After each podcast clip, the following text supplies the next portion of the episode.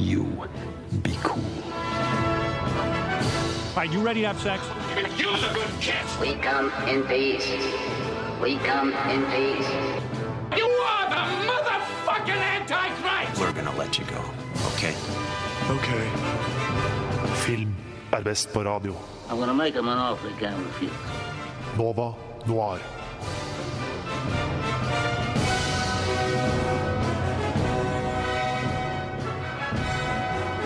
Hjertelig velkommen til eh, Nova Noir. Mitt navn er Adrian Timenholm, og jeg elsker film. Jeg elsker film så mye at jeg skal snakke om det i to timer her i dag for dere, kjære lyttere, og det gleder jeg meg stort til. Men vet du hva, jeg skal ikke gjøre det aleine. Jeg har med meg to eh, venner her som skal eh, snakke om film med meg. Og liker dere også film, eh, dere? Ja. ja. Eh. Nei. Uh, men Adrian, ja, jeg er veldig, veldig veldig glad i film. Ja. Hva, he, hva heter du? Olav Haraldsen Roen er mitt navn, eh, som alltid. Jeg har ikke bytta ennå. Jeg har vurdert det på et tidspunkt, men slo fra meg den ideen etter et par minutter med gjennomtegning. Men ja, jeg er veldig, jeg er veldig, veldig glad i film, Adrian. Har du en side på IMDb? En måte Det er målet mitt, da å få Wikipedia-side mm. Wikipedia. og IMDb-side. Det er på en måte det jeg jobber fram mot. Det er liksom Femårsplanen min da, går ut på det, som primært. Ja. Eh, god plan. Uh, vi hørte en annen stemme her. Hvem, var det? Uh, Jeg heter Tale Råd, og jeg er også ganske glad i film, faktisk. Ja. Så bra. Da har vi tre filmglade Mm. folk som sitter her, da. Og en eh, tekniker som heter Henrik Slåen! Yeah! Eh, så vi er eh, fire folk eh, som har ansvar for denne sendinga her i dag. Og vi har mye på planen. Vi skal snakke om en uh, film som du har sett uh, på kinotale, eh, som heter The Rules for Everything. En norsk film som vi gleder oss til at du skal anmelde. Eh, Olav, du har sett Trollhunters. Ja, riktig. Denne Del Toro Dreamworks Netflix-serien som kom ut ja, helt på tampen av fjor, fjoråret. Så gikk det jo først opp for meg nå eh, for noen dager siden at pokker sine bein, det her er jo laget av Del Toro.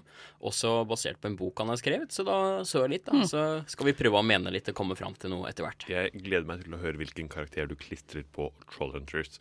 Eh, vi skal også snakke litt eh, om eh, såkalte tvillingfilmer i dagens sending. Eh, det vil si filmer som på mystisk vis er veldig To filmer som dukker opp, og som er veldig like hverandre. Selv om de dukker opp på samme tid, så de kan liksom ikke ha planlagt begge to filmene samtidig. Eh, Riktig. veldig sånn merkelig fenomen som dukker opp ganske ofte i filmbransjen. Så vi skal ikke snakke om uh, Stuck on You, med andre ord.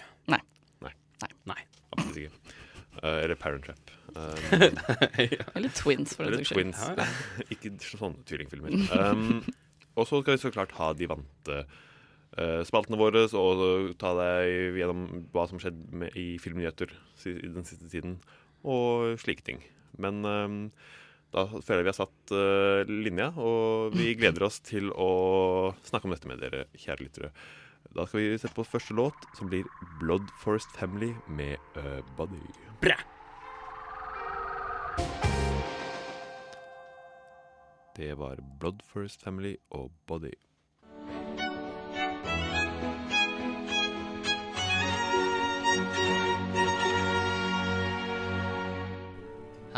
I'm Billy Boyd, and you're listening to Nova Noir. Stupid fat hobbit. Det stemmer, feite hobbiter. Det gjør dere. Og eh, denne det, Nå skal vi snakke litt om hva vi har sett siden sist. Jeg må bare si at jeg blir så glad av den jingeren. ja, jeg blir også veldig glad eh, over Billy Boyd. Nesten hørt den ukentlig i to år nå, men ble fortsatt like glad. Blir rørt. Um, hva har vi sett siden sist? Olav? Uh, jeg har sett uh, mye forskjellig. Uh, jeg har sett en ny nye Sherlock-episoden som kom ut. Å, ja. det, jeg syns eneren var dritt, toeren var bra, treeren var dritt. Uh, Mm, ok. Og så syns jeg også sett opp igjen alle Indiana Jones-filmene. Hold, hold, hold. Jeg, jeg, har også, jeg har også sett eh, Sherlock. Ja. Uh, og jeg, jeg syns også episode én var dritt. Jeg syns episode to ikke var så bra, den heller. Jeg syns alle liksom, hyllet den, men jeg syns ikke, ikke, ikke den var så Altså Jeg syns den var såpass mye bedre enn den første at jeg ble positivt overraska. For nå trodde jeg at liksom siste sesongen med Sherlock skulle bli liksom helt horribelt dårlig. Uh, men så var på en måte andre episoder for slutten der syns jeg var ganske finurlig. Syns jeg de løste det veldig, veldig dårlig. Moffat er fortsatt Moffat, dessverre. Altså Moffat er jo denne skribenten som har vært med på å skrive manuset både til Mm. Dr. Who, men også til eh, Sherlock. Og han er jo dritkjent for å eh, måtte bygge opp et legendarisk godt crescendo, og så bare fader det ut til et eller annet generisk tull som ikke har noe substans. Men de klarte det veldig bra de de to første sesongene. Spesielt den der The Reichenbach Fall, slutten av andre sesong, var jo kjempebra. Var helt utrolig bra, men så falt det seg litt etter det, på en måte. Ja, uten Eh, tvil. Men, ja, jeg, men jeg synes også episode tre var liksom den ja, halv, Første halvdel, i hvert fall, var litt bedre enn mange andre har oppfattet. Jeg, jeg likte den, jeg. Jeg, jeg syns det starta greit. Det eneste var på en måte at um, der skulle liksom være punktet med slutten da, på hele Sherlock-sagaen. Og jeg syns det ikke gjorde Jeg syns ikke at det ble bra Nei, nok. det, det, slett. det, det er enig for så vidt. Ja, det var ikke bra nok, og det er absolutt ikke på høyde med det beste Sherlock-serien eh, har levert. Men nå er det for så vidt snakk om at det kan bli mer, men det er liksom litt mindre spikra. Og det blir kanskje på litt sånn mindre jevn basis. Så om, om tre år så kanskje vi får én eller to nye episoder aktig. Kanskje vi får eh, flere sånne eh, Christmas special-aktige greier. Litt sånn som den eh, i forrige sesong, episode fire der, men eh, når det var litt sånn back in time-aktige greier. som er den dårligste episoden av alle, syns jeg. Jeg syns den var litt sånn som kanskje du syns om episode to, da, at okay. den er bedre enn folk skal ha det til. Mhm. Eh, men jeg syns ikke at den var kjempegod, nei. Nei. nei. Noe annet du har sett? Eh, Jeg har sett opp igjen alle Indiana Jones-filmene. De var ca. akkurat det jeg trodde de var. Litt sånn sexistiske gamle versjoner av National Treasure. Eh, Jeg syns det var Underholdningsverdien er det fortsatt. Og settdesignen overraskende bra til å være 80-tallet. Eh, nei, jeg syns det var Det hadde holdt seg akkurat så bra som jeg trodde det skulle gjøre. Så jeg har også sett den eh, Den onde greven. Oh, det har jeg òg. Sammen med Neil Patrick Harris syns jeg passa kjempegodt. Jeg også. Ja. Ok, for Jeg er ganske gira på den, men det jeg alltid har vært skrevet til, er egentlig Neil Patrick Harris, som egentlig ikke jeg føler er gammel nok til å spille Nei, men sånn, han blir jo aldri på en måte beskrevet som veldig gammel. Han skal Ja. bare være veldig stygg, liksom. Jeg syns han spiller Så- veldig, veldig godt. Jeg syns han passer veldig bra. Jeg husker ikke fra da jeg leste bøkene Ja. hvor eh, gammel og stygg han er, men eh, jeg har bare bilde av han som gammel. Ja, men ja. eh, altså, ja, han funker bra.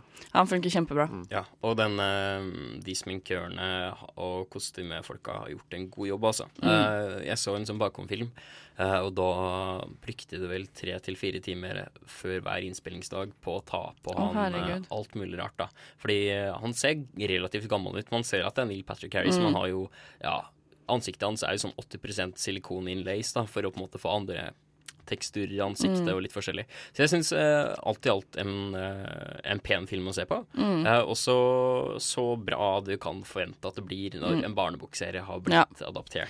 Jeg ble, også, jeg ble litt skuffet kanskje over um, På en måte stemningen var litt for barnslig, syns jeg. Men det, jeg vet ikke helt hva jeg hadde forventet. Nei. Det burde jo vært opplagt at det var sånn det kom til å bli, på en måte. Så virker det veldig som at de har tatt ganske mye um, direkte sitering fra bøkene, og det er jo ganske kult. Og brukt Mm. liksom det som manus, rett og slett.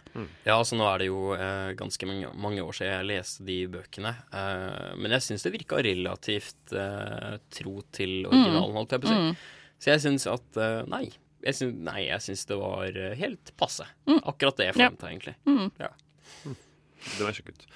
Eh, Selv har jeg også sett en uh, serie i det siste. Og serien jeg har sett, er Game of Thrones. Og det er litt sånn uh, rart, kanskje, men jeg har ikke sett den før nå. Jeg, jeg, begynte, jeg begynte faktisk i forgårs. Men, men, eh, men Adrian, utgrei hvorfor har du ikke sett det før nå? Fordi da mine venner begynte å se denne serien sånn i andre klasse på videregående, da den kom, så var det sånn eh, hm, Jeg vil lese bøkene først. Og det var et større prosjekt enn jeg hadde ventet. Og uh, gadd ikke lese bøkene like fort som jeg hadde trodd, og sånne ting. Uh, så jeg ble ferdig med dette forrige uke, med å lese alle liksom, short stories som er kommet ut. og sånne ting Så nå, da, nå er jeg preppa for å se Ja, serien. Uh, men hva, hvor langt er du i første sesong? Eh, Åtte episoder har jeg sett. Shit. Jeg Ja, ja, ja. se Så det var eh, hvor langt Det er lenge siden jeg har sett eh, sesong én. Men da har du liksom fått med deg uh, ned i Kings Landing og alt det. Ja. eh, Ja. Jeg skal vel ikke spoile ikke at det gjør så mye. Jeg tror ikke de fleste som hører dette, har hørt eh, sett serien. I motsetning til meg. Eh, men, og jeg vet jo åssen det går. Jeg har heller Ikke ikke sett det. ikke. Men du må jo være klar over at det skjer ting i serien som ikke skjer i bøkene. Så, Ja, men jeg skjønte at første sesong er veldig tro. Ja. Eh, og det har den vært så langt, mer eller mindre. Synes det har vært veldig bra casting. eh, Mm, sånn, I forhold til hvordan jeg så for meg at figurene skulle være. Noen bitte små unntak, men alle de største og viktigste rollene er liksom kjempebra casta, syns jeg. En, en casting som jeg syns de har eh, Som jeg syns de burde få honnør for, som jeg syns er veldig god, som ikke så mange snakker om at det er en god casting. Jeg syns at Jamie Lannister er veldig bra. Ja, jeg, hadde, Jeg synes Jamie Lannister er er, kjempebra. Han er helt perfekt, Ja, ja. faktisk.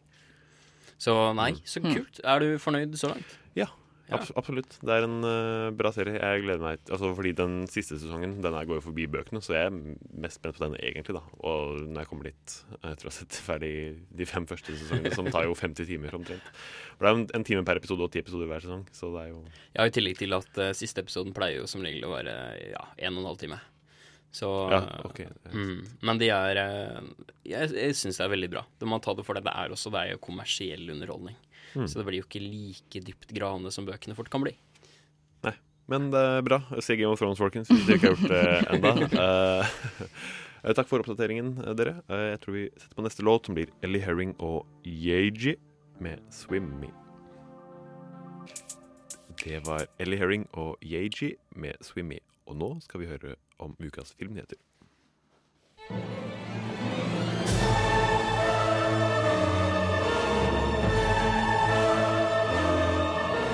Well, hello, Mr. Fancy Pants. I got news for you, pal. You ain't leading but two things right now Jack and shit. And Jack left town. Nova Noir gir deg ukas filmnyheter.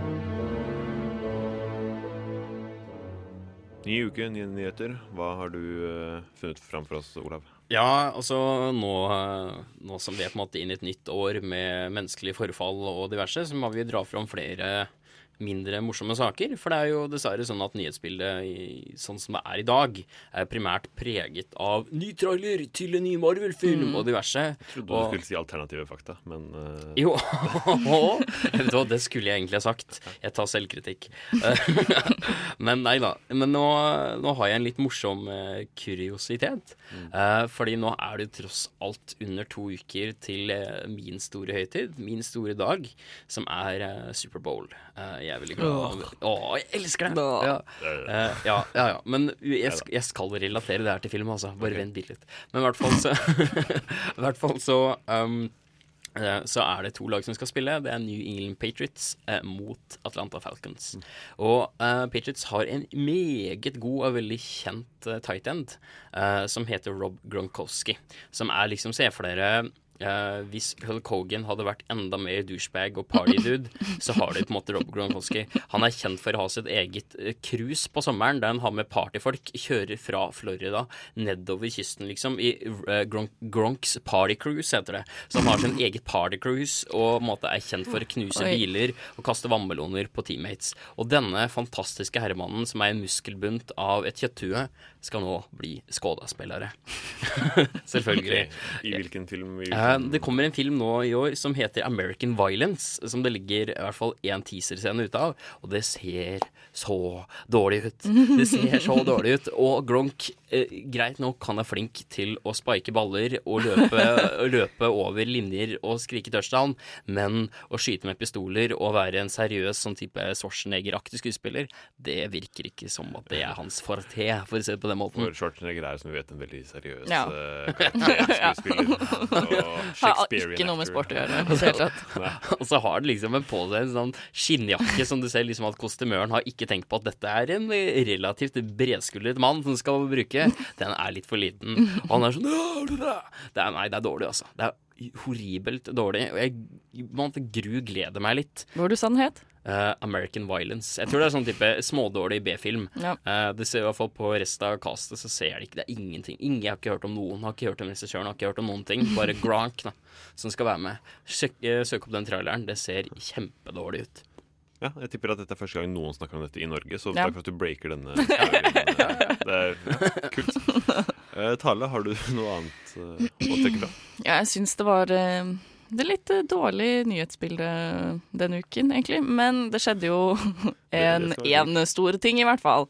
Og det var jo at uh, Presidenten ble valgt og sånne ting. Ja. Det Nei. Det er dårlige nyheter, det òg. Ja, det var også en dårlig nyhet. Men um, episode åtte har fått Altså Star Wars episode åtte har fått uh, tittel. Yeah. Og uh, rolleliste og i hvert fall en foreløpig plakat. Og det er jo litt gøy. Hva er denne nye tittelen, Tale? The Last Jedi. Oi, oi, oi. Mhm. Visste du for så vidt at før Star Wars-navnet ble på en måte coina, så var tittelen bare The? Altså bare The, altså THE. Det, det er sikkert mange filmer som har hatt det som working title, tror du ikke det? Ja, men det var ikke bare working title, det var liksom meninga at det skulle skulle ja. bli The. Men så var det sånn At Star Wars skulle hete The. Mm. Dette er eh, nytt for meg. Ja, det- sikker. ok. hva, hva er kildene dine på dette? Eh, Kildene mine var vel faktisk eh, Hva er det heter for en? På IMDb så er det sånn egen kolonne der det står ja, fun eh, facts. Mm, riktig. Okay, ja. Trivia. Trivia. Trivia eh, Men listen. da er det jo Jeg gleder meg veldig, selvfølgelig, men også fordi eh, Tom Hardy er på Top eh, Build Cast, Mm. og står foreløpig bare som Stormtrooper.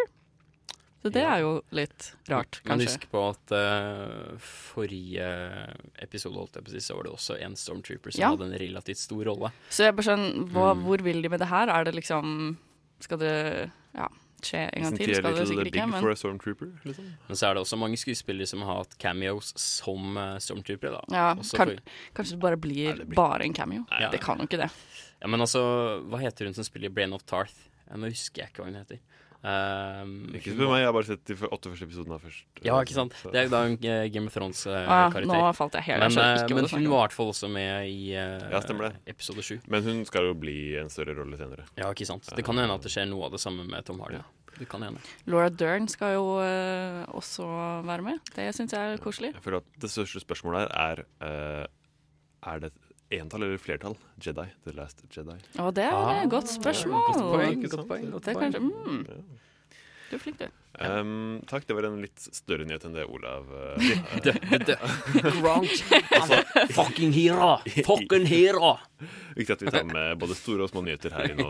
Vi skal vi ta en middels stor nyhet, kanskje. Og det er at eh, Francis Ford Coppola, en legendarisk regissør bak bl.a. Gudfaren og Apocalypse Now, han jobber med et dataspill basert på Apocalypse Now.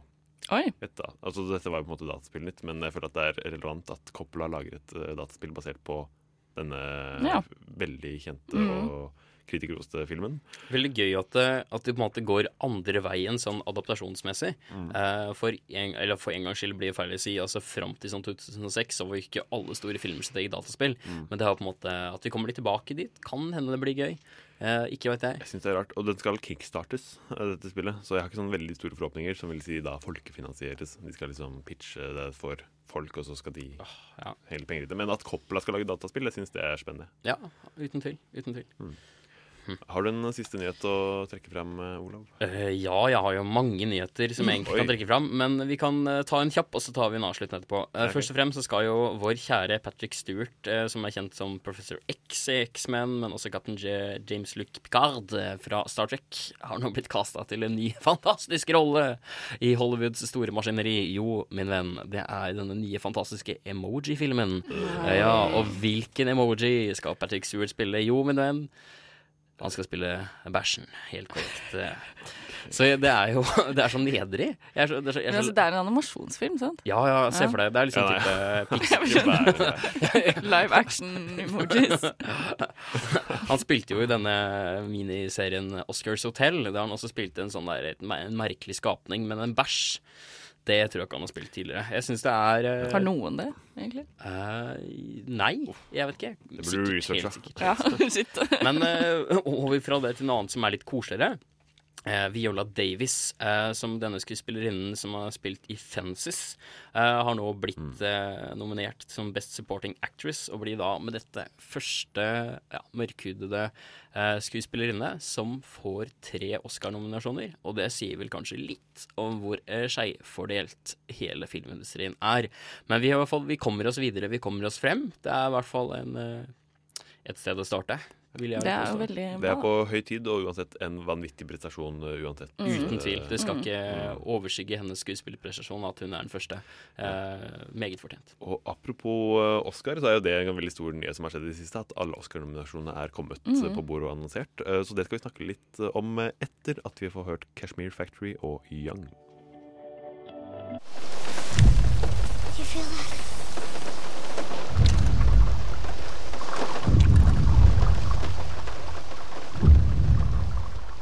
tyngden noir. Det merkes på tyngden. Jurassic Park eh, er ikke nominert til Oscar, eh, men eh, vi skal snakke om andre filmer som er nominert til Oscar. Litt sånn tyngde. Filmprat om tyngde, for det er veldig ofte sånn grandiose, seriøse filmer som blir nominert til Oscar. Og vi er vel veldig glad i Oscar, er vi ikke, Olav? Eh, jeg føler at det var et ledende spørsmål. Eh, jeg, eh, jeg er ikke så veldig glad i Oscar, jeg. Jeg er ikke så veldig glad i generelt bransjeprisutdelinger. Litt fordi at jeg føler på en måte at de filmene som på en måte kanskje burde vinne, kanskje ikke alltid gjør det. Jeg syns at uh... Det er jo ikke noe argument, bare fordi altså, jeg Nei, men, men altså, jeg føler på en måte at det er, men, men altså litt fordi jeg på en måte føler at de tar um, De gjør på en måte hele filmbransjen og det som ligger i det å skulle skape kulturelle produkter og ha kreative prosesser og prøve å skape tanke hos mennesker, over til å bli en sånn kommersiell eh, maskin i enda større grad enn det egentlig er. Det handler mer om box office, det handler mer om, eh, om folk innad i bransjen som har deals og diverse. Jeg syns det blir jeg syns det blir eh, Nei, jeg liker det ikke. Altså Der er jeg direkte uenig bare på ett punkt. Fordi jeg føler at Oscarene er en mulighet for folk å satse på filmer som ikke er så superkommersielle. Det lar folk, altså hvis, du, hvis filmen din vinner en Oscar, så kan det liksom redde box office, eh, altså Mm. pengeinntjeninga. Så da kan du satse på en film som, ikke, som er liksom mer, mer sånn uh, seriøs, og ikke nødvendigvis en Marvel-film eller en sånn uh, safe Ja, det sant. eh, box office in cash-in. på en måte. Det er absolutt både gode og dårlige sider ved prisutdelinger, men jeg syns at man ikke må overse de gode heller. Men samtidig så er det veldig sånn ledende for filmjournalistikken, ofte føler jeg da. Så hvis en film vinner mange Oscar, så på en måte blir det nesten obligg å skulle synes at det er et godt Mm. produkt. Jeg føler på en måte at det blir eh, Altså, jeg skjønner hva du mener, at det er bra at vi faktisk har arenaer der vi kan feire og ta opp gode eksempler på at medier blir brukt på en bra måte, men samtidig så er det på en måte Jeg føler at vi har en lang vei å gå for at det blir en um, en sunn modell å gjøre det på, da. Jeg syns at det blir for eh, for stort fokus på det kommersielle aspektet ved, ved mediet.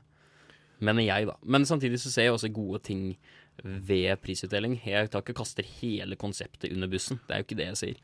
Men uh, litt kritisk til åssen det er uh, runna nå, og jeg personlig bryr meg ikke så veldig mye om det. Mm. Jeg sitter ikke og ser på Oscar, liksom. Det bryr meg midt i uh, kaviarstjerna, for å være helt ærlig. Men nå skal du få lov til å bry deg i sånn fire-fem minutter. uansett, Fordi Jeg skal prøve, jeg nå skal skal prøve. vi snakke om Oscar-nominasjonene som har vært i år.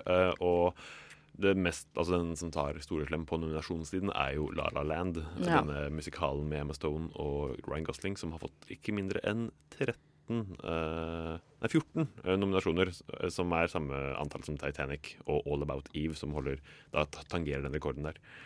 Eh, det er jo temmelig imponerende. Har noen av dere sett La La Land? Nei. Jeg har, eh, jeg har sett den. Du har sett den, ja? Mm. Fortjener den 14 nominasjoner? Um, jeg er så feil mann å spørre, både fordi jeg ikke er så veldig glad i Oscar, og jeg ikke er veldig spesielt glad i musikaler.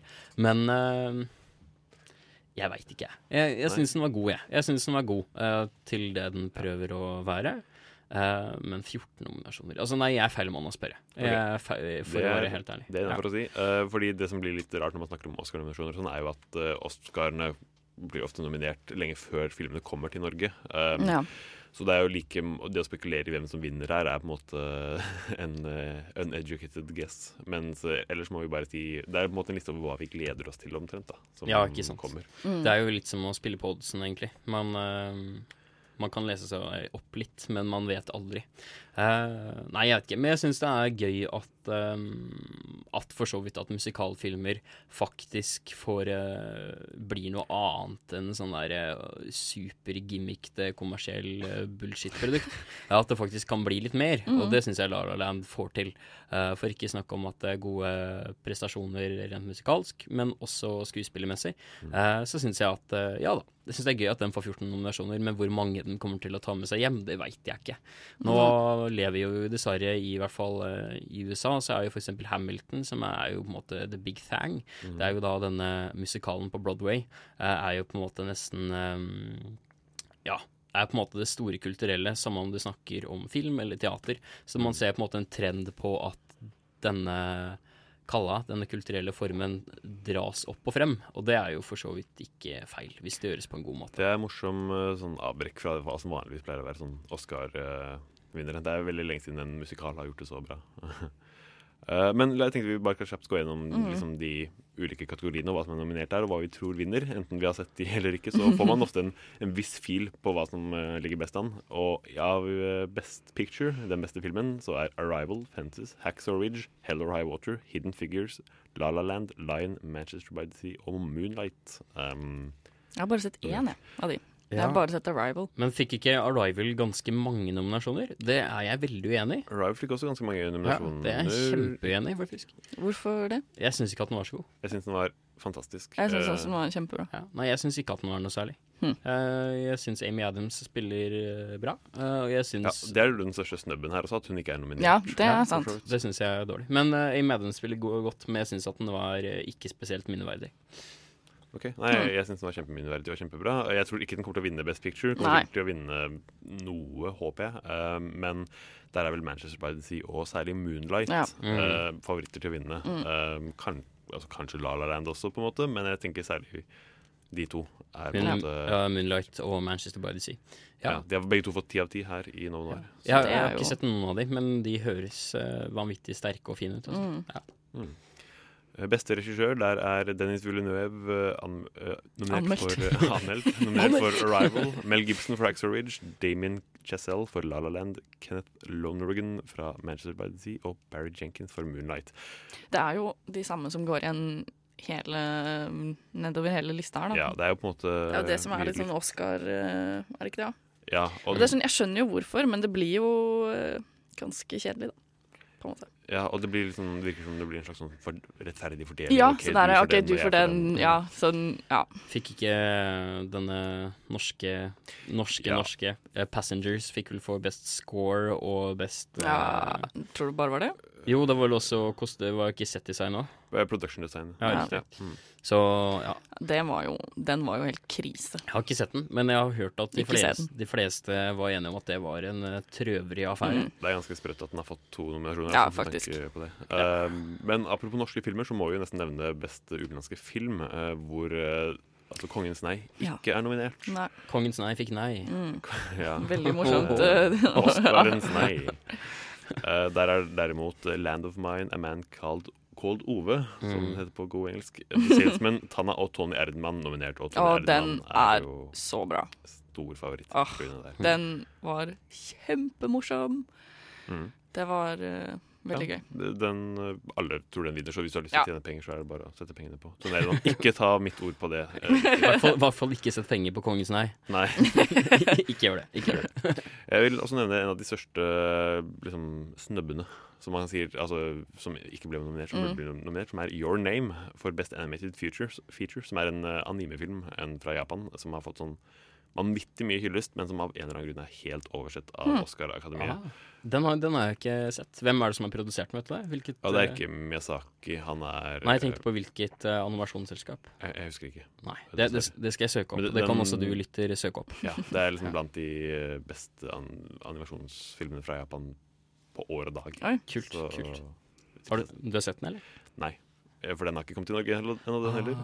Ah. Men uh, unison kritikerhyllest. Uh, Den, kommer, den ligger sikkert på Crunchyroll eller noe sånt. Gjør du ikke det? Jeg tror ikke det. Hvis den gjør det, så skal jeg se den i dag. Liksom. Men, Ja, ja. ja. Søk det opp. Jeg skal i hvert fall eh, hjem eh, like Your etter sending og finne ut hvor den ligger. Um, takk for deres eh, skråblikk og tanker om Oscarene, folkens. Vi setter over en eh, låt som jeg har valgt ut i dag. Det er selveste Black Debate med 'Sulten'. Black Debate og sulten. Kanskje du ble litt sulten selv? Eh, nå skal vi høre en uh, anbefaling fra vår eh, journalist Ludvig Biltil om uh, serien Billions.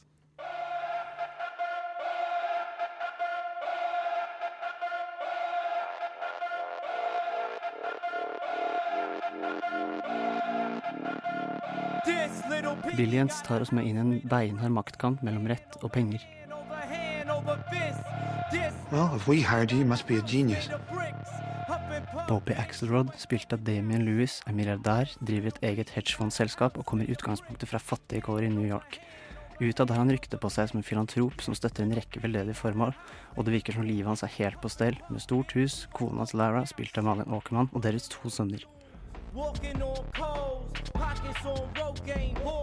Men bak kulissene driver Axelrod med insidehandel og bestikkelser for å øke sin enorme formue, samt har han en tvilsom hemmelighet fra fortiden. Mannen som har satt det som sin mål å stille ham for retten, er Chuck Rhodes, spilt av Paul Giamatti.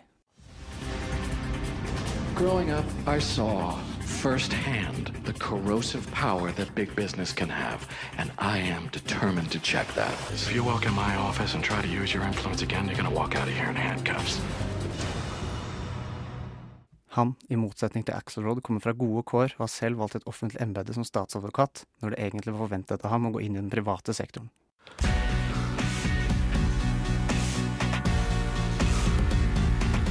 Hovedkonflikten ligger i kontrasten mellom statlig makt og den private, og Rhodes har en stor utfordring mot Axelrod sine tilsynelatende uendelige ressurser. Rhodes har i tillegg noen komplekser med sin kone Wendy sin suksess, og det faktum at hun jobber som en intern psykiater i Axelrods firma. Dette utvikler seg til en stor personlig konflikt da Wendy er godt likt av begge mennene, som hater hverandre. Well, you're certainly winning friends and influencing people these days. Oh, what do you want me to say? I shouldn't have thrown that punch. Done a lot of rash things you shouldn't have done lately. Oh, oh, you're talking about that little sit down with your husband? I am. You know, there's a psychological profile for people who self sabotage, and you're starting to fit it. Billions sin tematikk varierer fra makt, kapitalisme, kjønnsroller og loven. Axelrod er fundamentalt imot loven som tiltaler han, og hans og Rhodes sin moral er seriens største konflikt. Begge mener de har rett, begge nekter å gi seg. Den evige diskusjonen om hvorvidt statlig innflytelse og økonomisk fri flyt skal dominere, blir brutt ned til to personers perspektiver. You came at me! Because you're a criminal, Bob. And it's my job to shut him down and put him in jail. Well, if that's true, you're not very good at it. You're also full of shit. What have I done wrong? Really? Except make money. En av serienes skapere heter Brian Koppelman, en journalist som har dekket en lignende sak i New York. Stephen A. Cohen er en investor som i 2009 ble anklaget for insidehandel, og som ble tiltalt av advokat Preet Barara. Disse to gjenspeiler henholdsvis våre to hovedpersoner og danner grunnlaget for serien. Axelrod og Rhodes er fremragende spilt av Louis og Giamatti, og er godt akkompagnert av Åkermann og Maggie Siff som kone deres, som både er støttespillere og kritikere av sine ektemenn. Det tekniske er upåklagelig, og selv om serien tar opp relevante temaer i en interessant setting, er Billions som et karakterdrama høydepunktet og det mest vellagde. Så hvis du føler for å ta et dykk ned i den byråkratiske økonomiske striden i USA, fortalt på en lettere og underholdende måte, er Billions å anbefale.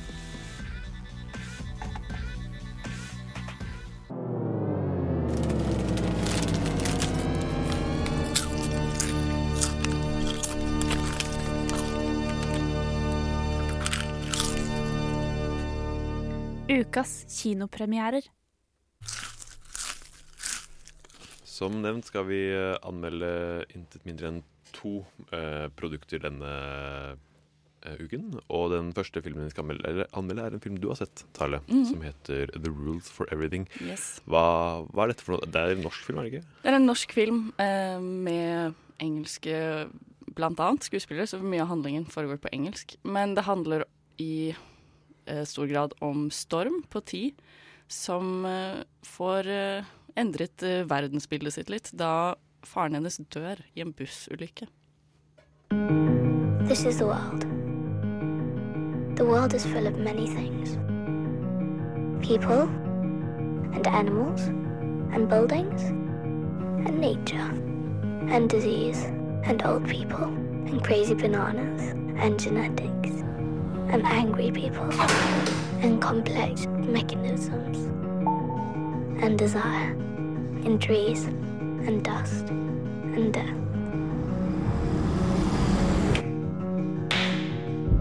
With so many things smashed together, the world should be total chaos. The reason why the world is in total chaos is because it has rules. And there are rules for everything.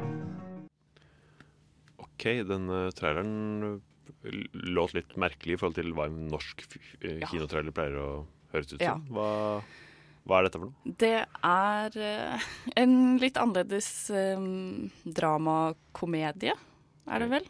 Ja. En, en dramakomedie. Det er en dramakomedie. Den er eh, ganske morsom. Det er, den er regissert av Kim Kim Hjorthøy. Jeg vet ikke hvordan man sier det. Hjortøy. Hjortøy, sikkert, ja. Mm. Det er første gang han regisserer um, en uh, spillefilm. Han har jobbet mye med um, dokumentarer uh, tidligere. Uh, og den er veldig interessant. Den er um, altså, Som sagt så handler det jo om Storm og uh, moren hennes. Det er Tindra Pak som spiller Storm. Og moren hennes, Agnes, spilt av uh, Natalie Press. Hun er uh, fra England, så Storm er bilingual. Og snakker både norsk og engelsk okay, i sånn, filmen. så den foregår i Norge? Ja, det er i den- Oslo. Ok, Mm. i Oslo også, ja. Ja.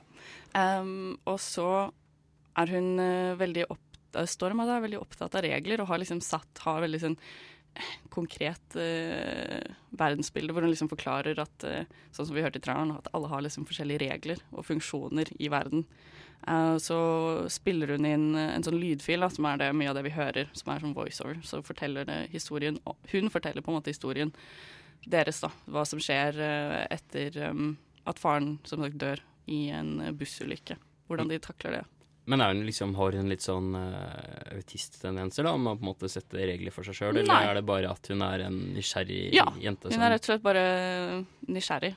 Uh, så er det flere sånn overlappende um, parallelle historier som uh, ikke ender opp med å ha en sammenheng på slutten, f.eks., hvor det liksom alt blir uh, knyttet sammen, mens de har sammenheng og går inn i hverandre under hele filmen. da. Okay. Så det er moren som er filmregissør for um, et uh, lite filmproduksjonsselskap som lager filmer for folk som vil promotere uh, seminarene sine, f.eks., eller uh, ja, selskapene sine. Da. Uh, hun møter en sånn rar selvhjelpsguru. uh, og han vil veldig gjerne at hun skal lage film, uh, promofilm for ham. Da. Så det er et handlingssett. Og så er det um, handler det om hun som tenåringsjenta som var guiden på bussen som kjører på faren. Så er det en separat historie. Ok. Altså veldig mye som skjer på en gang, og så er det fortalt veldig utradisjonelt med mye sånn tittelkort og rare effekter og ja, litt sånn merkelig. Så det er liksom ikke Hawaii i Oslo? Det er ikke Hawaii Oslo. Det er eh, litt spesielt. Er sånn, jeg merker at det er veldig vanskelig å snakke om den, fordi det er så mye som skjer på en gang, og eh, ja. Men Føler du at det er et klart budskap å komme fram til, eller er det på en måte en litt sånn ikke, flytende et eller annet som du må prøve å finne et eller annet å holde fast i, sånn rent innholdsmessig? Det er vel eh, Jeg føler det stort sett er litt sånn Bare litt om hvor absurd livet kan være, og hvor eh, kanskje banalt uh, ting egentlig er. Og at livet går videre selv om uh, folk dør og ting skjer, liksom. Eh, så er det mye humor og mye litt sånn uh, tongue in cheek om selvhjelp, for eksempel, eller sånn. sånne ting, da. Så det, er, det, var, det var en interessant opplevelse. Ok, eh, Jeg blir ikke helt klok på liksom Nei, jeg skjønner. hva den, hvordan den er. Altså, fil- Filmspråket, er det liksom mer sånn Wes Anderson, eller er det dogme? Liksom, der, eh, er det liksom veldig bisart? Ja, eller er det, okay, det er ja. liksom en blanding av eh, det du sa nå, egentlig. Okay. Jeg føler ja. Det er Nei, liksom, ja. det er liksom Hvis du, hvis du måte sånn. tar, tar og setter Grand Budapest Hotel Ja. og festen i Oslo, så Ja. har du den filmen her. Ja, liksom. Akkurat. Men sånn, det er vanskelig å finne noe å sammenligne det med, fordi at jeg har liksom ikke sett uh, noe som er fortalt akkurat sånn, og det blir litt ehm, Ja, er- er det en positiv ting, liksom? At du at, Både og, fordi okay. jeg føler at det er litt rotete. Sånn at han kanskje ikke helt greier å bestemme seg for uh, hva, det er, hva det er han vil, og hvilket uh, å nivå han skal legge seg på. Hvilken historie som skal få størst plass, og hvordan han skal fortelle det. Liksom. Han bruker så mange forskjellige um, metoder da, på å fortelle Mhm. den historien, og blander uh, veldig mye Det er sånn pling-plong-musikk og tittelkort og liksom rare overganger og ja. Ok, Men uh, du, du sier at det er uh, en liten jente, i hvert fall, Ja. Storm, som har hode, er i hovedrollen her. Mm. Uh, er det bra skuespill? Ja, det, det syns jeg. Det, absolutt. Hun øh, gjorde en kjempejobb. Ok, Det er jo bra. Det er ikke alltid barneskuespill. Nei. I hvert fall den uh, narration-jobben hun gjorde, hørtes Mm. veldig veldig god ut. Mm. Ja, Eh, fordi lydmiksen hørtes jo Ja. stellar ut, Mm. Men bildene, da. Så det er liksom litt mindre produksjonsselskaper og mindre produksjoner, så blir det ofte litt sånn Det ligger på seg, på en grei linje, da, men var det på en måte bra, eller var det sånn Ja. passe? Jeg syns det var veldig bra. Det er filmet uh, veldig kult. Uh, litt sånn gammel, uh, Får litt inntrykk av at det er litt sånn gammelt kamera, med litt sånn smalt uh, Ja, det var ikke widescreen, liksom. Ja, 4-3 var det sikkert. Uh, og så veldig mye sånn still Ikke stillbilder, men bare satt opp, filme vind som blåser i trærne, byen. Sånne klipp. Veldig mm. klippete, på en måte. Sånne kontente Minkel-spillere Mm. for å sette stemning, da, mellom noe annet. Um, Kult. Så litt sånn visuelle, visuelle jokes Mm. også. Det var gøy. Jeg vet ikke hvor mye klokere vi blir på filmen her, egentlig. Jeg føler, men jeg blir veldig interessert Ja. eh, Mm. allikevel. Syns Det er du det veldig er, vanskelig å snakke om. men syns du den er bra? Jeg syns den var kjempebra. Jeg likte den veldig godt. Ok. Uh, så jeg anbefaler alle å gå og se den. I hvert fall hvis du ble litt intrigued nå. Uh, finn ut av det selv hva det her er for noe. Har du noen liksom, karakter du føler at du lander på? Jeg um, har litt lyst til å si åtte med sju, åtte. Du sa Jeg sa åtte. Du sa åtte. Det er Da det første jeg tenker på. Ja, da, ok, da setter vi åtte av ti-stempelet på The Rules for Everything. Mm. Um, en anbefaling her fra nå og nå, så gå og se den. Det er litt sånn tørt på kino akkurat nå, Ja. så hvis du har lyst til å få med Mm. deg noe, så se The Rules for Everything. Takk skal du ha, Tarle. Uh, vi setter på neste låt, som blir Deidre and the Dark med Which Way. Deidre and the Dark, Which Way. Og nå fortsetter vi med ukas kinopremierer.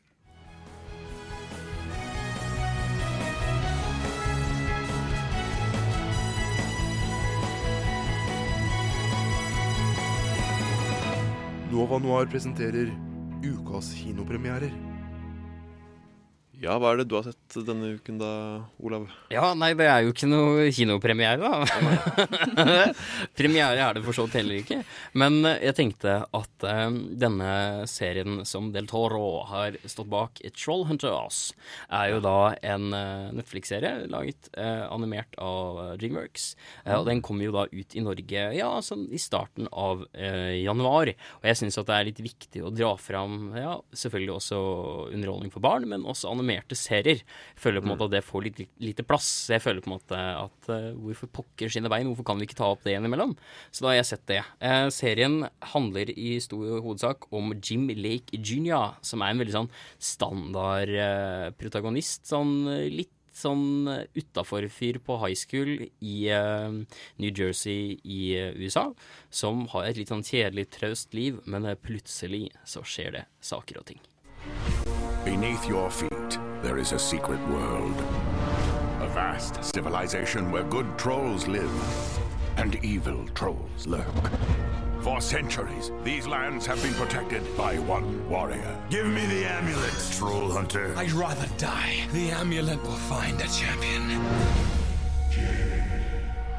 Hello?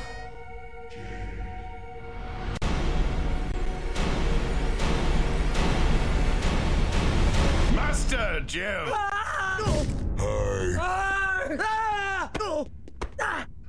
You have been chosen. Mye skriking. ja, altså um, I utgangspunktet Jeg så uh, sånn halve første episoden, og da var jeg litt sånn OK, jeg er ikke målgruppe for den uh, serien her. Så la jeg det litt på hylla, og så tenkte jeg nei, vet du hva. Det er Del Toro som har laget en animert barneserie. Jeg må nesten stoppe deg. Det er Guillermo del Toro, en av vår tids største Eh, eh, ja, filmskapere ja, ja. her. Dette- bak hans labyrint og Pacific ja, Rim Pacific Rim Ja, og- ja, Ja, ja, nei, men Eh, altså Hellboy. Det er ikke liksom en eh, litt sånn der eh, sliten B-filmregissør, nei. Det er ikke det. Da, han har også skrevet en bok, eh, barnebok sådan, som, er, eh, som serien er basert på. Ja, det er Dreamwork, liksom. Det er et ordentlig stort eh, animasjonsstudio som lager en liksom, serie. De pleier å lage filmer. Ja, ikke sant? Jeg, og jeg, jeg blir kjempegira når jeg hører det her. Ja, uten tvil. Og så er det også laget eh, som en Netflix original series, så hele smælan ligger jo ute og klart for binging. Eh, så man kan se hele, hele kjakan der. Eh, men Kjak, ja, det er litt, Det er dokka, vet du, kan man si litt som man vil. Eh, men i hvert fall, dette handler da primært om Jim Lake jr., som er 15 år og går på high school. Han eh, sliter litt med hva skal jeg kalle det? En litt sånn trøvere situasjon. Uh, Mora hans Er han litt sånn social outcast? Uh... Ja og nei. Han er en sånn uh, Han er flink på skolen, og han er eh, Så ja. ja. men han er ikke sånn type Han blir ikke mobba sånn. Han har litt problemer med at det er selvfølgelig en bølle på skolen som er litt ugrei mot andre, som han skal stå opp mot. Okay. Men eh, hovedsituasjonen som gjør at ting er litt dritt for han, er at eh, han har veldig, tar veldig mye ansvar hjemme, fordi faren hans tok og baila på han og moren da de, han var liten. Og nå må han liksom være the man in the house, mens hun jobber på sykehuset som lege, så må han liksom gjøre ting, da. Så det, på en måte, serien er også flink til å ta opp litt sånn vanskelig tematikk, til å være en barneserie. Litt som eh, ensomhet og det å føle seg eh, kanskje litt mindre verdt, men også litt problem med skilsmisser og sånt. Ha mye ansvar som barn. Ja, ikke sant. Mm. Det er, eh, men eh, det som da skjer, er jo at eh, Jim klager da til sin bestevenn Toby at livet er jækla Det er så kjedelig. Jeg vil lyst til å ha med adventure, og da plutselig så er det jo dette som skjer. Det åpner seg en helt ny verden, for under byen der han bor, så viser det seg å være en sånn type the capital of uh, troll... Uh, troll hva kaller jeg Trollsivilisasjonen, da. ja, er liksom under byen der han bor. Så da er det jo denne artifacten, Uh, som er en sånn der type Ser litt som et eh, lommeur, som da er på en måte The Totem of the Troll Hunter, som da velger han til å bli den nye trolljegeren. Som da er på en måte beskytteren av alle de snille trollene, som skal bekjempe de onde trollene. Han blir valgt som det. Og så er det masse morsomt som skjer da med en sånn diger, slem eh, trollfyr som heter Bular, som skal på en måte få tilbake sin eh, Lost Father and All the Evil Trolls fra en sånn der mørk dimensjon. Og så er det, møter man alle disse snille, rare trollene som både Blinky og en, et troll som er veldig stort, som heter Arg. Det heter Arg. Og tekstinga så er det sånn tre r-er og tre g-er og tre h-er, da. Så det er veldig sånn eh, veldig morsomt. Overraskende mye morsomme ting i den serien her. Ikke bare sånn der banal humor, men også litt sånn fiffig, morsom humor også. Ok, Så- eh, men altså, Hvor mange episoder er det, først og fremst? Og hvor lang er episoden? Liksom? Hver episode er rundt en halv time. eh, Og episoder så er det sånn rundt 20, tror jeg. Jeg, ikke, jeg husker ikke helt. Men det er eh, overraskende greit. Men sånn strukturen på serien er veldig uh, straight forward. Men jeg syns samtidig at um, voice acting er god. Jeg syns animasjonen er litt sånn Det er Dreamworks, så det på en måte har en viss kvalitet, men jeg syns det er litt plaint. Okay. Du vet liksom der Pixar er veldig flink til å ha gode detaljer Mm. og veldig sånn type Det er veldig sånn stellar og glossy på en sånn fin, men litt sånn sjarmerende um, måte, da. Ja, mm. Mens Dreamworks kan fort bli litt sånn for glossy, Ja, hvis du skjønner hva jeg mener. Eh, og det her er måte så glossy at det nesten blir for mye. Okay. Uh, men samtidig så er det veldig bra animert, for det er jo Det er, det er Dreamworks. Um, historien i seg sjøl er vel det som gjør at det her faktisk har livets rett. Litt fordi det er eh, Det er en sånn standard fancy-aktig serie, men samtidig så har det veldig sånne mye tematikk som er litt mørkere, og som tar for seg ting som kanskje passer godt for barn, men som også har noe substans. Eh, så det syns jeg de gjør på en veldig god måte. Jeg tror nok at eh, det vil passe godt for barn mellom sånn type ja, sju, åtte opp til tolv ish. Det er jo litt vold, det er jo litt kjemping. Det er jo Men uh, det er ikke noe blod eller noe splatting og sånn. Er det liksom én historie man følger gjennom hele serien, eller er det liksom hver episode er en ny sånn story som barneserier jo pleier å Nei, det er én historie man følger. Ok. Uh, det er jo også da både livet hans som denne trolljegeren, men også da Uh, ja, livet som high school-tenåring. Og og litt sånn balansere dette liksom og sånne ting, da. Ja, det er litt lav er det også, da. Det er viktig med litt lav. Uh. Så ja, ja. Så det, nei, jeg syns de har gjort det på en god måte. Veldig mye sånn eh, vittigheter. Ja. Men samtidig så er det jo ikke Det er jo ikke noe Det er jo ikke noe mesterstykke. Det, men det er litt fordi eh, Jeg veit ikke. Det er laget for barn, men det fungerer jo også overraskende greit for voksne. Eh, så jeg vil jo anbefale at folk kan se den. Men det spørs litt hvem det er, og hvilken, hva du liker, egentlig. Hmm. Ja. Så kanskje en sånn serie man ser med barna sine, hvis man har barn, eller lillesøsken, eller sånne ting. Eller bare hvis man er veldig glad i Del Toro og Dreamworks, den versjonen. Ja, absolutt. Hvis du, hvis du f.eks. liker uh, How to Train Your Dragon, så kommer du til å like det her. Ok. Eh, Jeg er det er veldig liksom glad i How to Train Your Dragon, så- Ja. Det, det er Ja. Nei, jeg syns det fungerer godt. Jeg syns det gjør litt med sjangeren som er eh, spennende. Uh, og generelt godt laget til det det er. Det er jo ikke noe mesterstykke, som sagt, og det er til tider veldig generisk, men det kan man på en måte forvente. Uh, jeg kommer ikke til å gi den en kjempegod karakter. Jeg kan avsløre det at den kommer til å få en seks av ti av meg. Ja. Uh, hvis du skal havne høyere opp enn det, så må du gjøre noe ordentlig bra. Men jeg synes at uansett så syns jeg den fortjener en mention. Den eh, Bra det lages eh, underholdning for barn som faktisk har noe for seg. Kan kanskje nevne hvor mange episoder du har sett? Så basert dette på? Har du sett alle? Sett tolv. Tolv episoder. Ja, omtrent litt over halvparten, da. Så det er uh, Mm. innafor. Um, vi bør også nevne at dette er en Det er vel det siste prosjektet til Anton Jeltsin, som eh, er hoved, har hovedstemmen her. Han døde jo uh, i etterkant av uh, at han, han spilte jo i Star Trek. Helt riktig. Helt riktig.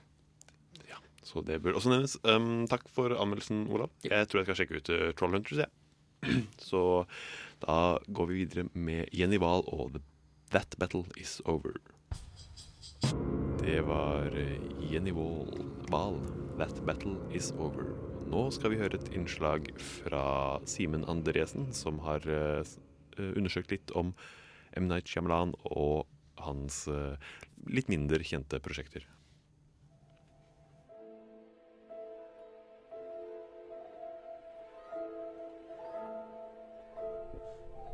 M. Night Shyamalan er i disse dager aktuell med thrilleren Split. Shyamalan er jo kjent som kongen av twister, og da mener jeg ikke partyspillet, men han har altså laget en film som tilsynelatende overrasker med historier hvor alt ikke er som man først skulle tro. Shyamalan står bak store filmer som Den sjette sansen, Unbreakable, The Village, The Happening og Science. Og felles for alle disse filmene er at de forteller historier som har flere lag, hvor det dukker opp minst én dritsvær twist i løpet av filmen, og som har veldig mange forskjellige spenningsmomenter. Etter at han startet som regissør på 90-tallet, så har dette blitt et av hans hovedtrademark, og noe man begynner å kanskje forvente når man ser en av hans filmer. I de siste åra har han derimot fått en del negativ kritikk for filmene han har laget, spesielt da når det kommer til tvister. Man har fått høre at man kan se tvistene på lang avstand før de kommer, og i så fall så fungerer jo ikke en tvist. Altså, en tvist fungerer jo fordi den er uventet. Når man kan se den komme, så er det dessverre ikke så effektivt virkemiddel for å fortelle en historie. I dette innslaget skal jeg derfor prate om en annen side av Shyamalans filmhistorie. En del av hans CV som han ikke har pratet så mye om før nylig. En side som han kanskje kan besøke igjen hvis kritikken av Split ikke blir bedre. Jeg prater så klart om at han var en ghostwriter på den romantiske komedien She's All That fra 1999.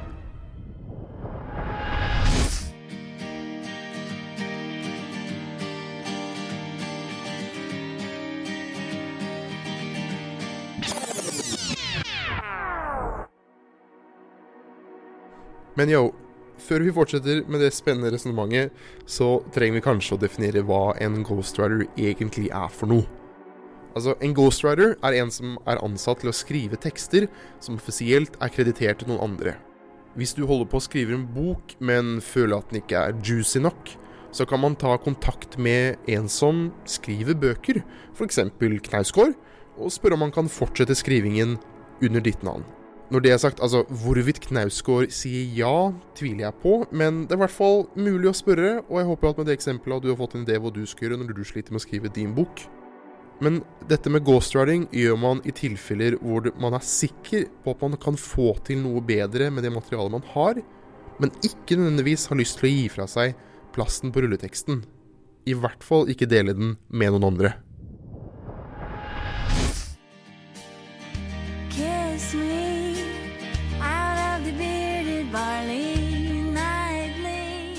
Vel, det er jo slik at Shyamalans filmografi er fylt med filmer som har twister, mystikk, overraskelser. She's All That er ikke en sånn type film. She's All That er en amerikansk romantisk komedie fra 1999. Freddie Prince Jr., et navn du forhåpentligvis husker fremdeles, spiller en populær jock på en amerikansk high school. Han inngår et veddemål med kompisen sin, og stopp meg om du har hørt det her før, om at han skal få den nerdete, lite attraktive, innesluttede kunstnerspiren spilt av Rachel Lee Cook til å bli skolens prom queen. I løpet av filmen blir derimot Prince Junior forelska i karakteren spilt av Lee Cook, som han faktisk blir glad i. Historien i She Saw That ble skrevet i utgangspunktet av Lee Fleming jr. For noen få år siden ble det ganske svær oppmerksomhet rundt et intervju Shyamalan ga, hvor han innrømmet at han sto bak store deler av manuset til filmen. Dette syntes derimot ikke Lee Fleming jr. noe om, med tanke på at Shyamalan tross alt var ansatt bare som en ghostwriter. På det tidspunktet filmen ble skrevet, så hadde Shyamalan regissert et par store filmer, men han hadde ikke dette, denne statusen som han har per dags dato. Som alle flinke mediepersoner burde gjøre, så gikk derfor Lee Fleming jr. ut på Twitter og kalte det hele en løgn. Siden den gang har tweetene hans blitt sletta, da han raskt innså at han tok feil. She Saw That sin produsent Jack Lechner gikk også ut med fredspipa og forklarte at Lee Fleming jr. skrev manuset de hadde kjøpt i utgangspunktet, men at Shyamalan derimot sto for omskrivingen, som endte med at de faktisk fikk grønt lys på manuset og kunne lage sjølve filmen. Med det her i bakhodet så kan man derfor lese nyheten om at det kommer en remake av She Saw That i løpet av få år med et smil. Den er under produksjon nå, men det er ikke helt sikker hvem som skriver manuset. Kanskje Shyamalan står bak det som kommer til å bli 2020-tallets største romantiske komedie for alderssjiktet 15 22 år i USA? Det får vi i så fall svar på om forhåpentligvis 10-12 år, så hold pusten og følg med.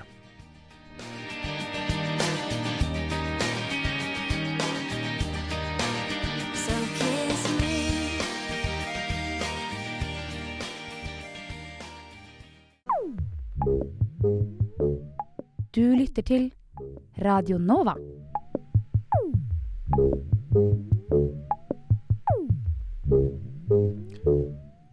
Det gjør du, og for dette hørte du eh, Carpenter Brutt med Hang 'em all. Hang 'em all. En låt som du valgte ut i dag, eh, Olav. Takk. Ja, jeg er veldig glad i den låta, veldig glad i den artisten. Denne franske synthwave slash witchhouse-produsenten. Witchhouse? Helt korrekt. helt korrekt. Heksehouse? Det fins like mange elektroniske musikksjangere som det fins mennesker på okay. planeten, Ja. så det må du bare akseptere. Ja, Har du, har du hørt om eh, Crystal Castles? Ja. Mm, de spiller Witch House. Mhm. Ja, ok, ja, kjør. Ja, klart det. Eh, Vi skal snakke om tvillingfilmer, eh, som jeg nevnte innledningsvis. Tvillingfilmer er dette fenomenet hvor to filmer som Eller flere, faktisk. To eller flere Ja. filmer. Har vi eksempler på flere også? Uh, ja. Ja, så da kommer vi over på det senere. Men dette er et eksempel hvor to eller flere filmer blir sluppet på samme tid, uh, men uh, hvor de må ha blitt liksom, produsert omtrent samtidig, slik at de kunne ikke kommunisere med hverandre, men de er veldig like. Eh, så hva, hva snakker vi om da, for eksempel? Tale? Hva? hva? Slags filmer snakker vi om da, når vi tenker på tvillingfilmer? Altså, det er vel kanskje fenomener som eh, Jeg vet ikke, kommer opp, da.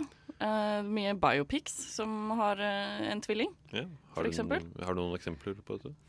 Det var i 2005 så kom jo Capote. Uh, filmen med Philip Seymour Hoffman. Vant vel Oscar for den, Philip? Det stemmer sikkert. Mm. Og året etter, altså i 2006, så kom jo Infamous, som også handler om Truman Capote. Ja, eh, denne veldig berømte amerikanske forfatteren. Og det- som var spesielt her, er jo at eh, han hadde jo dødd i sånn 86 eller Ja, et eller annet sånt. det er jo kanskje litt spesielt at Ja. det skjedde akkurat Så eh, da. plutselig, 20 år senere, så er det to studier som uavhengig Ja. av hverandre finner ut at nå skal vi lage en biopic om uh, Capote, og så bare Det er egentlig veldig interessant. dukket opp samtidig. Og det, det skjer flere ganger, og det er litt merkelig. Absolutt, men det man kan tenke på da, er jo at eh, er det tilfeldigheter, eller er det rett og slett bare at folk innad i bransjen litt sånn på bakrommet har snakket om eh, f.eks. manuser de har jobbet, om, jobbet med kanskje tidlig i produksjonsfasen. Da, og på en måte har de lekket ut til andre produksjonsfirmaer som da Å, shit! Denne vogna må vi hoppe på. Eh, eller er det tilfeldigheter? Jeg tror nok at det er det førstnevnte. Jeg tror- det er en blanding? Ja, jeg tror sånn- Vi kommer til å komme inn på flere eksempler her hvor, det kan, Mm. hvor det liksom årsaksforklaringen ville Mm. være veldig varierende. For eksempel så har vi den, disse to Steve Jobs-filmene. Ja. Ja, ikke sant, ikke sant. Som de heter vel eh, Jobs og Steve Jobs. Ja. med henholdsvis Ashton Kutcher og Michael Fassbender i Mm. hovedrollene. Uh, det Det var var mer to år uh, mellomrom, faktisk. ja, hele to år mellomrom, så det er liksom ikke, Ja. kanskje ikke egentlig kvalifisert som en tvillingfilm, men de Ja. dukket opp omtrent samtidig og handlet Mm. om det samme. eh, Og det var jo i forbindelse med Steve Jobs sin eh, bortgang. Mm. Uh, så av og til så har det en litt mer naturlig forklaring. Men Ikke sant. Og så er det en ting med en biopic som er på en måte handler om ett spesifikt menneske, og Mm. det er igjen en spesifikk historie. Det er noe annet igjen med filmer som på en måte har forskjellige historier og er på en måte fortalt om forskjellige karakterer, diverse, men som bare er så himla like Mm. at de på en måte fremstår som tvillingfilmer, da, men som ikke er den samme historien. For eksempel så har vi jo Ants og A Bug's Life, Mm. eh, som er eh, Jeg vet hva, Det var ikke før i fjor at jeg innså at det var to forskjellige filmer. Nei, seriøst? Okay. I- Ikke kødd. Nei, okay. Ok. det- altså De ser jo helt forskjellige ut, da. Ja, men jeg vet ikke, jeg, jeg var kid, ikke sant. Og Ja, ja. jeg tenkte bare åh, insekter! Insekter, ikke sant. På en måte Men det er, mange, det er flere mm, animerte barnefilmer i, som uh, dette har skjedd med. Okay. Uh, for det var jo Ants og Buglife uh, for øvrig i 98. Så er det Madagaskar og The Wild Mm. eh, i 2005-2006.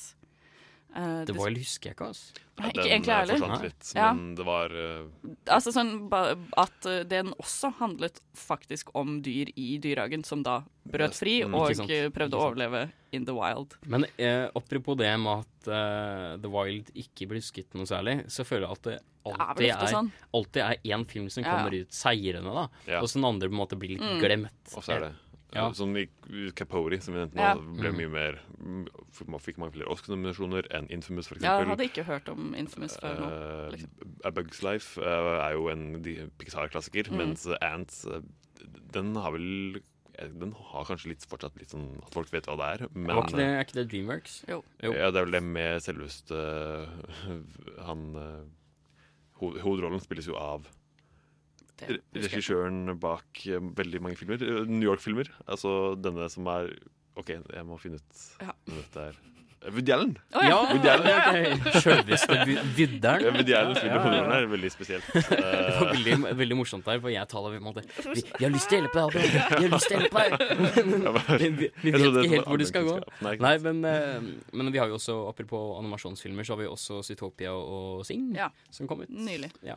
Og Despicable Me og. Megamind. Ja, Også ja. like, ganske like. Begge kom i 2010. Ja, ikke sant? Jeg syns alltid at Megahjerne var et Ja. veldig morsomt, uh, morsomt tittel.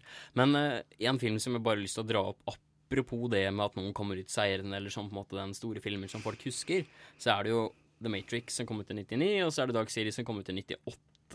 Uh, og jeg er jo en stor forkjemper. Min agenda for å være med i Noir er jo primært egentlig bare for å prøve å pløye vei for at Dark City skal bli på en måte household name, for den er så god, den er så bra. Men den er jo ikke Det er jo ikke den eksakt samme historien, men likhetene er så store. Det handler om sånn eh, ja, futuristisk, dytopisk, eh, dystopi, dystopisk samfunn. Der på en måte det går på en måte mind control og diverse. Og Dark City er en strålende film, selv om The Matrix, i hvert fall eneren, også er fabelaktig. Ja, er... Ja, Og The Matrix har jo virkelig kommet seirende ut der. Det må Ja, ja, sies som en av Det her filmhistoriens er, um, store klassikere. et eksempel hvor det er faktisk flere filmer. Her har vi fire, faktisk. Vet du hva, jeg, jeg syns du skal spare de oh, ja, okay, til sorry. etter uh, vi har hørt uh, Action Bronson og Strictly for my Jeeps. Uh, en remix av LL Cool og Lloyd Banks. Vil! Vil! Vil! Venner lyver ikke. Elleve?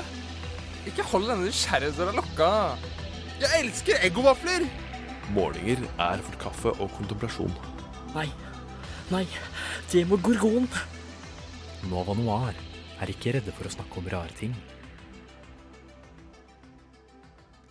Det stemmer, og tvillingfilmer er jo litt sånn rare ting. Det er litt Hvor rart. kommer de fra? Hva er årsaken til de? Vi har jo vært litt inne på det, men What vi skal snakke litt mer om det nå.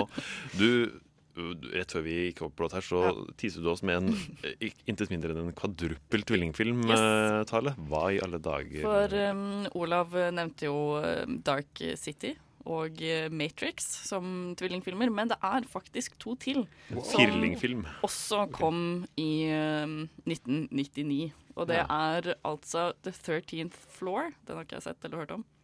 Mm. Men uh, handler tydeligvis også om da om virkeligheten er virkelig eller ikke. Og uh, selvfølgelig Existence Ah, med Jude Law. Ja.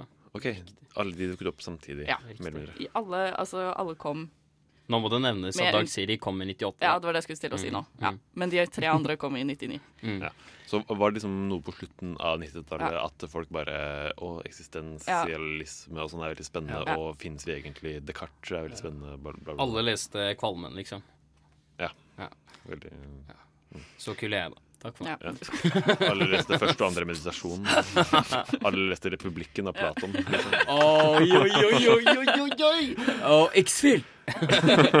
Slår et slag for X-Fill her. Uh, vi har vel flere eksempler her også, som vi kan prøve å liksom, undersøke litt. Uh... Ja, vi har jo en, en film som i hvert fall i, mellom oss tre er en smule polariserende. Det er jo denne, dette settet vi har kommet fram til eh, at Adrian i hvert fall har et lite problem med denne filmen, og det er jo The Prestige, altså denne Nolan-filmen med Hugh Jackman og Christian Bale, og så har vi også The Illusionist. Ja, dette er jo to uh, filmer som handler om magikere som uh, bruker liksom veldig uh, intrikate intrikate illusjoner for å lure publikum, og også liksom kny- knytter inn mot plottet, da. Og de kom Når kom de? 2006, begge to. Ikke sant? Uh, Edward Norton i den ene og Christian Bale og Hugh Jackman i den Ja, andre. stemmer. Og jeg syns begge to er ganske uh, dårlige, men Jeg syns eh, begge to er ganske bra. Men det kan vi snakke om eh, etterpå. Vi kan, vi skal ta en litt sånn oppgjør om okay, The ja. Prestige og sånn eh, etterpå. Eh, men igjen er det liksom Tror du her at det har liksom skyldtes snakking på Jeg skjønner bak- liksom ikke hva annet det skulle vært. På, eller skjønn, jeg- hva jeg- skjedde på tidlig 2000-tallet som Jeg fikk det til å tror ikke på tilfeldigheter i så stor grad. Eh, Illuminati styrer verden. Ja, ikke sant, ikke sant, ikke sant. Nei, men altså, mest sannsynlig, se for deg da altså, Hvis du er i Hollywood eller denne filmbransjen, så er jo det miljøet relativt lite. I hvert fall de, altså, Det er jo mange mennesker Sånn på som toppen, liksom. Ja, nei, hvert fall, for eksempel med, tenk på alle de folka som ser på, sitter på diverse coffeeshops rundt i LA og skriver på et manus. da Mm. At de, hvis de begynner å snakke sammen eller på en måte ha et sosialt lag, skal ikke se bort ifra at folk kommer til å dele Nei, det er sant. Men- men- Dele informasjon og dele tanker. Samtidig så er det direkte at hvis uh, manusforfatteren bak The Prestige Eller la oss ta et annet eksempel. eh, White House Down versus eh, den eh, Nå ble jeg sjekke hva den andre het. Men, Ja, nå, nå prøver jeg å tenke, men jeg har ikke peiling. Altså. Eh, det kom en annen film helt samtidig med, hvor også der liksom Det hvite hus blir eh, angrepet Uh, og sånne ting. Altså Hvis uh, manusforfatteren til én film liksom har et konsept og liksom snakker om det konseptet med noen andre, og noen andre stjeler konseptet, så er det plagiat. Mm. Det, det er sånn veldig sånn streng regel man har i underholdningsbransjen. At man, kan, man skal egentlig ikke snakke med andre om prosjektene deres liksom, og så for mye, fordi da kan det hende at du stjeler det ubevisst, og selv om du bare tar en liten del av det, kan du bli anmeldt for det. Så hvis det er en såpass stor Da er det Ja, jo ja, ja. veldig rart da, at det Veldig, her er greit. Men samtidig så skjer jo så Folk tilfeldigheter. jo, liksom. Det er jo ikke noe nytt, det. Men, og det skjer jo faktisk eh, også at eh, folk har de samme ideene. Altså. Ja, ikke sant. Du synes jo folk, folk tar jo ofte inspirasjon fra et eller annet sted, og hvis folk da har de samme kildene og de samme inspirasjonskildene der igjen, Mm. så skal man ikke se bort ifra at det bare plutselig eh, kommer to filmer som ligner på hverandre. Det, er jo, det kan jo skje. Men jeg tror også at det er en blanding der. Eh, men jeg syns også det er veldig festlig at eh, markedet tydeligvis er såpass eh, lite innenfor på en måte en spesifikk tematikk. At det Mm. alltid er én film som kommer ut seirende.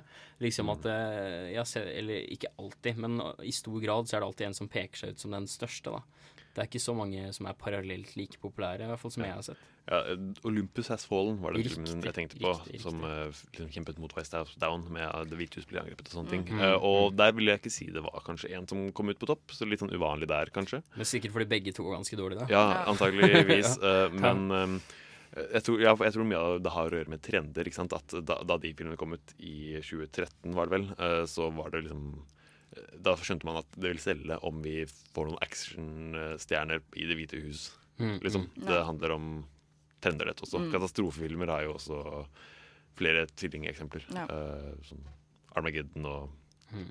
sånne ting. Godzilla og Pacific Rim. Ja. Ja, de kom ganske Ja, likt, ikke ja, sant? ja. Og det det igjen antakelig sånn trendegreie hvor de sa at liksom Marvel-filmene Ja. eh, gjorde det veldig bra. Så sånne store actionfilmer var liksom i vinden. Ja, ikke sant. Så jeg tror både trender, tilfeldigheter og sånn bakromssnakk Mm. i Hollywood har mye å gjøre med dette. Ja, uten tvil. Uten tvil. Mm. Da føler jeg vi har kommet til bunns i dette Ja. tvillingfilmfenomenet. og som sagt skal jeg begynne Skal vi i neste runde ha en liten sånn prat om denne The Prestige, som jeg ikke er så fornøyd med, men som dere liker veldig godt. Mm. Så jeg skal prøve å forsvare hvorfor jeg syns det er en overvurdert film. Mm. Men først så hører vi Tenacious D og The Metal. There's a name for you ladies, but it isn't used in high society, outside of a kennel. Nova Noir sterke meninger. Vi skal over til noen sterke meninger her i Nova Noir, for eh, som sagt så hater jeg The Prestige. Jeg syns det er en så- nå, nå, nå må jeg liksom få Nå må jeg få spurt deg litt. Hater du The Prestige? Ja, eller- eller på en måte syns du at den er en dårlig film? Det er to Jeg forskjellige syns det er en dårlig film, men det er, altså, det er, det. en hårfin grense der med Mm. å, å synes noe er en dårlig film og hate det. på en måte Det glir litt over i hverandre. Hvis, jeg hvis, jeg mener sitere- at, hvis jeg sier at en film har kastet bort to og en halv time av livet mitt, da blir jeg okay, men Kan ikke du gi litt sånn handlingsreferat? da? Ja, ok. Um, dette kommer til å bli spoilere for The Prestige. Og det er en litt sånn viktig Hvis du ikke har sett den, så skru av, for det er ganske viktige ja. twister i denne filmen. Ikke Um, skru av, da. Ikke skru av. Nei, ikke skru av. Eh, Hør på, bli spoilet. Det Den er ikke så bra allikevel. Oi, oi, oi, oi. Ok, Christian Bale og um, Hugh Jackman. Hugh Jackman spiller to tryllekunstnere som hele tida prøver å one-up hverandre og få liksom kulere triks eh, enn den andre for å bli den beste tryllekunstneren. Er det ikke litt sånn tilbake i tid òg? Sånn Ja, dette lenge er, foregår Det er vel starten av 1900-tallet Ja. eller slutten av 1800-tallet-aktig. Mm. Um, fordi uh, Chris, Christian Bale Nei, Hugh Jackman stikker etter hvert til uh, Nikola Tesla. Ja, stemmer. Uh, og liksom skal prøve å finne liksom, det ultimate trikset og prøve å teleportere seg selv. Fordi han uh, an- andre igjen, Christian Bale har et sånt triks hvor han går inn i en dør og kommer ut av en annen, som er sånn alle syns Mm, det er det beste trikset. man. Ja, Yes. Mm. og ingen skjønner hvordan han gjør det, og ikke Hugh Jackman heller. Uh, så han drar til Nikola Tesla for å prøve å få en maskin som kan teleportere han. Og til slutt så klarer han det. Bare, eller på en måte, det, det maskinen gjør, er at den lager en klone av han. Øh, og så Ja, det lager og så dukker han opp et Hele, annet sted. hele, hele greia med den maskinen er vel det at Mm. eh, han blir klona. Eh, og det som da skjer, er at eh, det, den klonen han handler liksom ikke under maskinen, havner handler i et sånn vilkårlig sted eh, som han får tima, da. Men eh, så blir det sånn eksistensiell greie om Mm. at han må drepe den ene seg selv, for det kan ikke være to, men to altså en personer person som går rundt. Så det blir på en måte en sånn Ja, der så Er jeg mannen som blir død, eller er jeg mannen som står igjen? Og, Hver gang han Ja. gjør trikset, så dreper han en versjon av seg selv. Mm. Og så Ja, han dere videre på en måte Mm. Og så viser det seg at En, en, en annen twist er at Christian Bale hadde bare en tvillingbror hele veien. Mm. eh, og som han Som hadde ikke da- dama hans vet Nei, om engang. dama hans visste Ja. ikke. Han hadde og kutta fingeren sin eh, Ja. fordi han mista fingeren på et tidspunkt. Så Ja. måtte den andre tvillingen kutte av fingeren sin. Mm. Og de tvillingene har liksom levd uh, siden altså, Men måten du sier det her på uh, på en måte, så har han en tvilling altså, altså, Dere skjønner hvor dumt det er. Ja, men altså, Jeg ble styrt altså, må, da altså så. Måten du sier det på, får det til å høres ut som en sånn derre ah, vi er tryllekunstnere! Abrakadabra! Jeg er en tvilling! Og Tesla! Det er, liksom, det er jo Jeg syns det du Nei, du trivialiserer det. Ja, jeg det er- trivialiserer en dårlig film. Nei. Eh, Hør nå, nå skal jeg forsvare hvorfor jeg syns det er en dårlig film. Ja, kjør på, Um, kjør på. fordi det hele filmen beror på, er bare denne tvisten mot slutten, eller disse to tvistene, på en måte, at eh, han dreper seg selv, og at han har en tvilling. Og den tvillinggreia, ja, jeg ble overrasket over det. Jeg bare, oi, det, Den jeg ikke komme. Men det i seg selv eh, gjør ikke filmen noe bedre. Det gjør at man blir overrasket der og da. Men det er et eksempel på en dårlig tvist, hvor tvisten liksom skal bære hele filmen. For fram til det tidspunktet så har begge to vært noen store drittsekker. Jeg, begge, jeg har ikke noe sympati for noen av de, så jeg bare driter i hvordan det går med de, og hvem som vinner den tryllekunstnergreia, for begge to er noen uh, rasshøl. Uh, så jeg har ikke noe sympati med karakteren her, og liksom beskjeden fordi, fordi hele filmen så er det som ekte kunstner de gjør, da. Så plutselig så stiger han til Ni- Nikola Tesla to tredjedeler ut i filmen og liksom finner opp magi. magi. What the fuck? Bare sånn er det liksom twisten? Det er liksom, twisten er magi finnes. Oi, så, så overraskende. Ja, Men det er jo liksom. ikke magi, det er jo vitenskap. Det er vitenskapsmagi. Ja. Yes. Men altså, jeg føler du på en måte har mista litt av poenget. Nei. Det her er, syns jeg, da Det er på en måte et portrett av to mennesker som er så drevet av å skulle komme seg opp og frem, og Mm. rivalisering, da, som gjør på en måte viser hvor langt et menneske er villig til å gå. Både for å, ja, som du sier, være dirtbags, da, for å komme seg opp og frem, Men det er jo på en måte De ødelegger jo sine egne liv. Eh, både mm, Hugh Jackman, som ender opp med å drepe seg sjøl på scenen, eller under scenen hver eneste natt, men også da Christian Bale eh, som sine to ja, tvillingsette der igjen, da, som liksom må ta og leve ett og samme liv. Eh, kappe, eh, ene fyren må kappe av seg fingra for å se mest mulig lik ut. Det er liksom et portrett av mennesker som ofrer alt for å være best, og hvordan måte, det utarter seg. Men også sånn mystikk, og i tillegg så er det også veldig bra filmatisk. Masse, det, altså. masse små hint til at det er to tvillinger, Mm. så når du ser det om igjen, så er det sånn aha! Og det er eh, bra Jeg syns det er bra set design, bra kostymer, bra theme. Skuespillet. Skuespillet Mm. også veldig godt. Og jeg syns det er ikke en eh, Det er, ikke, altså det er jo ikke den beste filmen i verden, men jeg syns den er god, altså. Det er liksom dypdykk inn i et menneskesinn og en tidsalder. Jeg kan øh, liksom forstå den at det er interessant med to mennesker som går liksom til det ytterste for å slå hverandre og for å bli den beste og sånne ting. Uh, tema som jeg syns er interessant, som er, men det er blitt gjort mye bedre mange ganger før. Og grunnen til at jeg følte at det ikke funka nå, var fordi øh, hele greia uh, er liksom Ja, i første halv, de to første tredelene av filmen så er det liksom å one-uppe hverandre med ting som hører til virkeligheten, da, men så plutselig trekker de inn denne magibiten, og jeg føler det jeg Det jeg, klarer, ikke- jeg, klarer, ikke- jeg klarer ikke suspend my disbelief. Det er billig, som Mm. du sier. Uh, det er noen, OK, ok, det var uh, Men, men det er liksom ikke Det er ikke Altså, Det bryter de, de, de, bygger, de bygger jo opp til det. Det er ikke Nei, sånn plutselig bare 'vi må løse det her'. Jo, de gjør Nei, nei, det. De bygger masse Ja, opp til det det. Til, jo, til at Jo, hoi, det gjør det i hvert fall. Masse. I, tillegg, I tillegg så er det på en måte Hele strukturen på filmen er ingenious bygget opp. Det starter Hvordan med bygger Ja, du men- opp men til du- at magi finnes? ja, altså, magi finnes, enig, det er kanskje litt søkt, men igjen så er det jo en fuckings film om tryllekunstnere. Må du Du liker vel ikke Morty, du, Adrian? Du, Ja. du, du passer Men- ikke at de kan ha en fornøyelsespark inni kroppen på en film? Jo, liksom. for, fordi det er, det er i tråd med universet som de etablerer. Mens i, også det er helt OK. Jeg kan godt ha magi i en film, men da skal du liksom etablere det og gjøre at jeg kjøper den når du introduserer magien eller det overnaturlige eller den helt crazy sci-fien. Det gjorde de ikke i Men da er det i så fall bare det du har problemet med, da, tydeligvis. Nei, og så Men- rest, men- men- resten av filmen ble så uinteressant fordi eh, Ja, det mener du. Men uansett, det jeg skulle tilbake Som du avbrøt meg, så forferdelig frekt var det også. Nei, men, eh, men altså, filmen starter jo med at uh, tryllekunstnermentoren til både, til både Jackman og Bale tar og måtte introdusere hvordan en tryllekunst måtte gjennomføres. da Først man introduserer introdusere eh, et objekt, Mm. og så på en måte gjør det til noe uvanlig, og så tar det tilbake igjen. Eh, og hele dramaturgien på filmen er bygget opp etter de reglene. Man introduserer to mennesker eh, som er tryllekunstnere. Skjer det mye rart ting, og så på en måte revealer du, uh, revealer du på slutten. Da. Det blir på en måte en sånn Å, så finurlig. Å, så å, Ja, men jeg synes å, det mm, å. Ja, Og Michael Kane spiller seg selv, og det er Ja, nei. David Bowie er litt kul som Tesla, det skal uh, sies. Men det er veldig festlig at du for å på en måte undergrave filmen må ty til ganske billige hersketeknikker. Ja, det, det kan eh, jeg ok, ja, det er hersketeknikk å dra fram hersketeknikker, vet du også. Ja, men jeg er i hvert fall bevisst på at jeg gjør det. Ja, eh, Jeg skulle gjerne liksom, gitt en enda dypere analyse av hvorfor jeg ikke syns The Prestige er en eh, god film, men vi må nesten gå videre her. Eh, takk for kampen, folkens.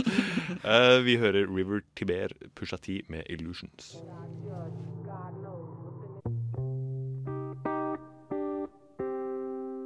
Du hører på Nova Noir på Radio Nova FM 99,3.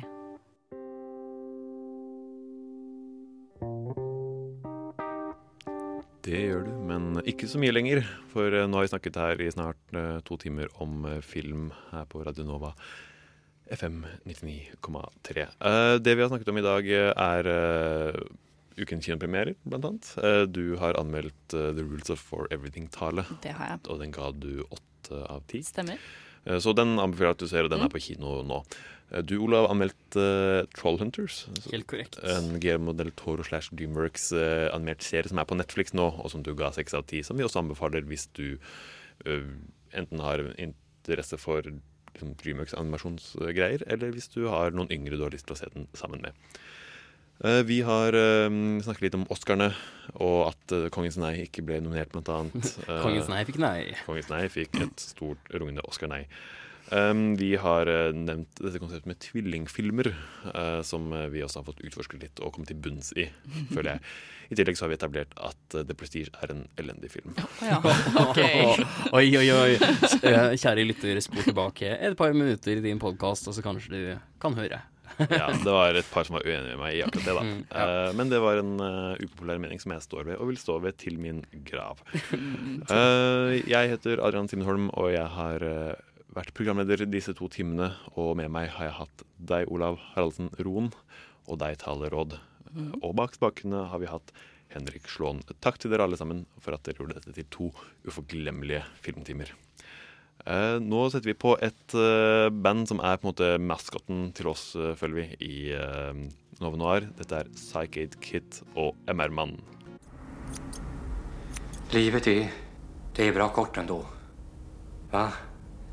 Det går fort på noe vis. Jo, jo. Nova Noir hjelper deg gjennom livet hver torsdag fra 10 til 12 på FM 99,3. Visst gjør det det.